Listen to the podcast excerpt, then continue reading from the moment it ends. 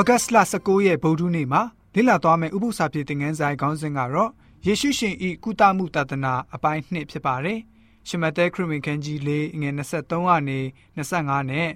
ရှမသက်ခရစ်ဝင်ခန်းကြီး9ငွေ35ကိုဖတ်ပါမယ်။ခရစ်တော်ရဲ့အမှုတော်ဆောင်တဲ့နေရာမှာပါဝင်တဲ့အရာ၃ခုကဘယ်အရာတွေလဲဆိုတာကိုကြည့်ကြပါစို့။ယေရှုသည်တရားစဲတို့၌ဆုံးမဩဝါဒပေးလျက်နိုင်ငံတော်နှင့်ရှင်သောဧဝံဂေလိတရားကိုဟောလျက် လူတို့တွင်အနာရောဂါအမျိုးမျိုးကိုငြိမ်းစေလျက်ဂါလိလဲပြည်တစ်ပြည်လုံးကိုဒေသစာရီလက်လဲတော်မူ၏တည်င်းတော်သည်လည်းရှုရိပြည်၌အနှံအပြားကြော်စိုးသည်ဖြစ်၍နတ်ဝင်သောသူဝယ်ယူဆွဲသောသူ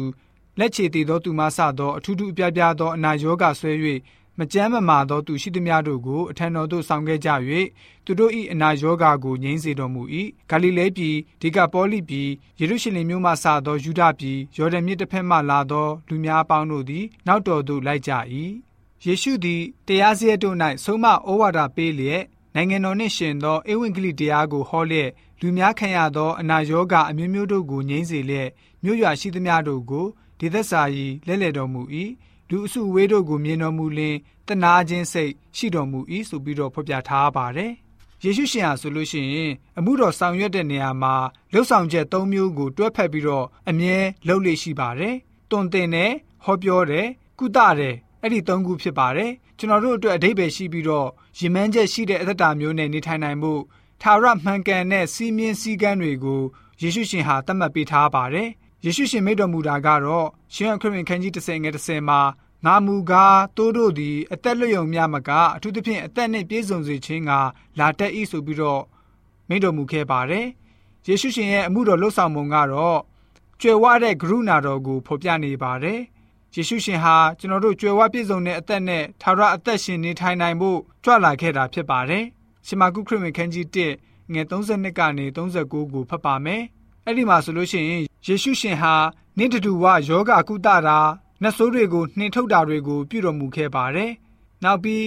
ယေရှုဟာဆူတောင်းခြင်းအမှုပြုပြီးတဲ့နောက်မှာနန်းနဲ့မိုးလင်းလာတာနဲ့လူလူကြီးဟာသူ့စီကိုအများကြီးလာတဲ့အခါမှာယောဂကုသခြင်းအမှုကိုလည်းပဲ ပြုတော်မူပါတယ်။ပြီးတော့မြို့တစ်မြို့ကိုဆက်ပြီးတော့ထွက်ခွာသွားပါတယ်။တမန်ကျမ်းစာရဲ့ဖော်ပြချက်ကိုကြည့်ကြပါစို့။ရှမာကုခရစ်ဝင်ခန်းကြီး1ငွေ32ကနေ39ကိုဖတ်ပါမယ်။နေဝင်၍ညအချိန်ရောက်လင်မကြမ်းမမာသောသူနှင့်နှဆိုးဆွဲသောသူရှိသမျှတို့ကိုအထံတော်သို့ဆောင်ခဲ့၍တမြို့လုံးသည်တကားနားမှစုဝေးလျက်ရှိကြ၏အထူးထူးအပြားပြားသောအနာဆွဲသောသူများတို့ကိုတတ်တာစေတော်မူ၏နှဆိုးများတို့ကိုလည်းနှင်ထုတ်တော်မူ၏ နှဆိုးတို့သည်ကိုတော်ကိုတိကြသောကြောင့်စကားတခွန်းကိုများပြောစေခြင်းကအခွင့်ပေးတော်မူမူနက်နက်အချိန်မုံမလင်းမီကိုတော်သည်ထပြီးလင်တောရက်သို့ထွက်ကြွ၍ဆူတောင်းတော်မူ၏ရှိမုန်နှင့်သူ၏အပေါင်းဖော်တို့သည်လိုက်၍ရှာကြသောကိုတော်ကိုတွေ့လင်လူပေါင်းတို့သည်ကိုတော်ကိုရှာကြပါသည်ဟုလျှောက်ဆို၏ကိုတော်ကလည်းငါသည်နိဆက်သောမြို့ရွာတို့၌တရားဟောခြင်းကတွားကြကုန်အံ့ ထို့သောအလို့ငါငါကြွလာပြီဟုမိန့်တော်မူ၍ဂါလိလဲပြည်အရရက်တရားစရက်တို့၌တရားဟောလျက်နတ်ဆိုးတို့ကိုနှင်ထုတ်လျက်နေတော်မူ၏ဆိုပြီးတော့ဖော်ပြထားပါတယ်။ခုနကတမန်ကျမ်းစာရဲ့မတန်းပြုချက်အရာကျွန်တော်တို့ဆင်ခြင်စရာ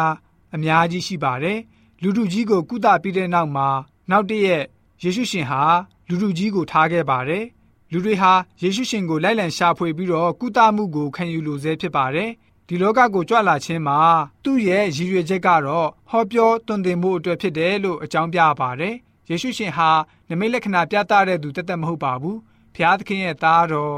ရွေးနှုတ်ကယ်တင်ခြင်းအမှုအတွက်ကြွလာတဲ့သူဖြစ်ပါတယ်။လူရဲ့ကိုယ်ခန္ဓာယောဂကိုသာကုသဖို့အတွက်တသက်မဟုတ်ပါဘူး။လူသားတွေထာဝရအသက်ရရှိပိုင်ဆိုင်နိုင်ခွင့်ရဖို့သူ့လိုရှိပါတယ်။အဲ့ဒီထာဝရအသက်ကိုဖျားရှင်ပေးနေပါတယ်။ကမ္ဘာလောကကိုကြွဆင်းလာရခြင်းအကြောင်းရင်းမှန်ကို ယေရှုရှင်ဟာရှင်းရှင်းလင်းလင်းကြေညာပြီးတော့ဟောကြားခဲ့ပါတယ်။ရှင်လုကာခရစ်ဝင်ခန်းကြီး19ငွေ30မှာဆိုရင်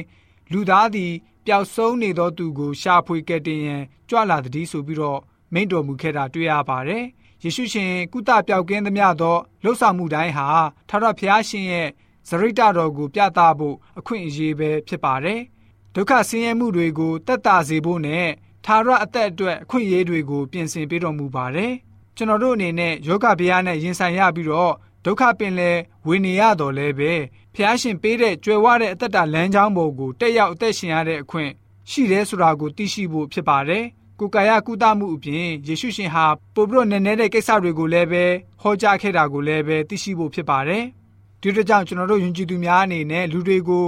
ဝိညာဉ်တမန်တရားလမ်းကိုပို့ဆောင်နိုင်ဖို့ကျွန်တော်တို့လှုပ်ဆောင်ရမှာပဲဖြစ်ပါတယ်ကျွန်တော်တို့ယဉ်ကျေးသူများဟာ မိမိတို့ပတ်ဝန်းကျင်မှာရှိတဲ့သူတွေကိုဖျားရှင်ပြင်ဆင်ပေးတဲ့ထာဝရအသက်ကိုရရှိပိုင်ဆိုင်နိုင်ဖို့သူတို့ကိုဖျားရှင်စီကိုပို့ဆောင်တဲ့ယဉ်ကျေးသူတွေဖြစ်စေဖို့အတွက်ဗုဒ္ဓနေ့ဥပုသ္စာဖြစ်တဲ့ငန်းစာကဖော်ပြထားပါတယ်။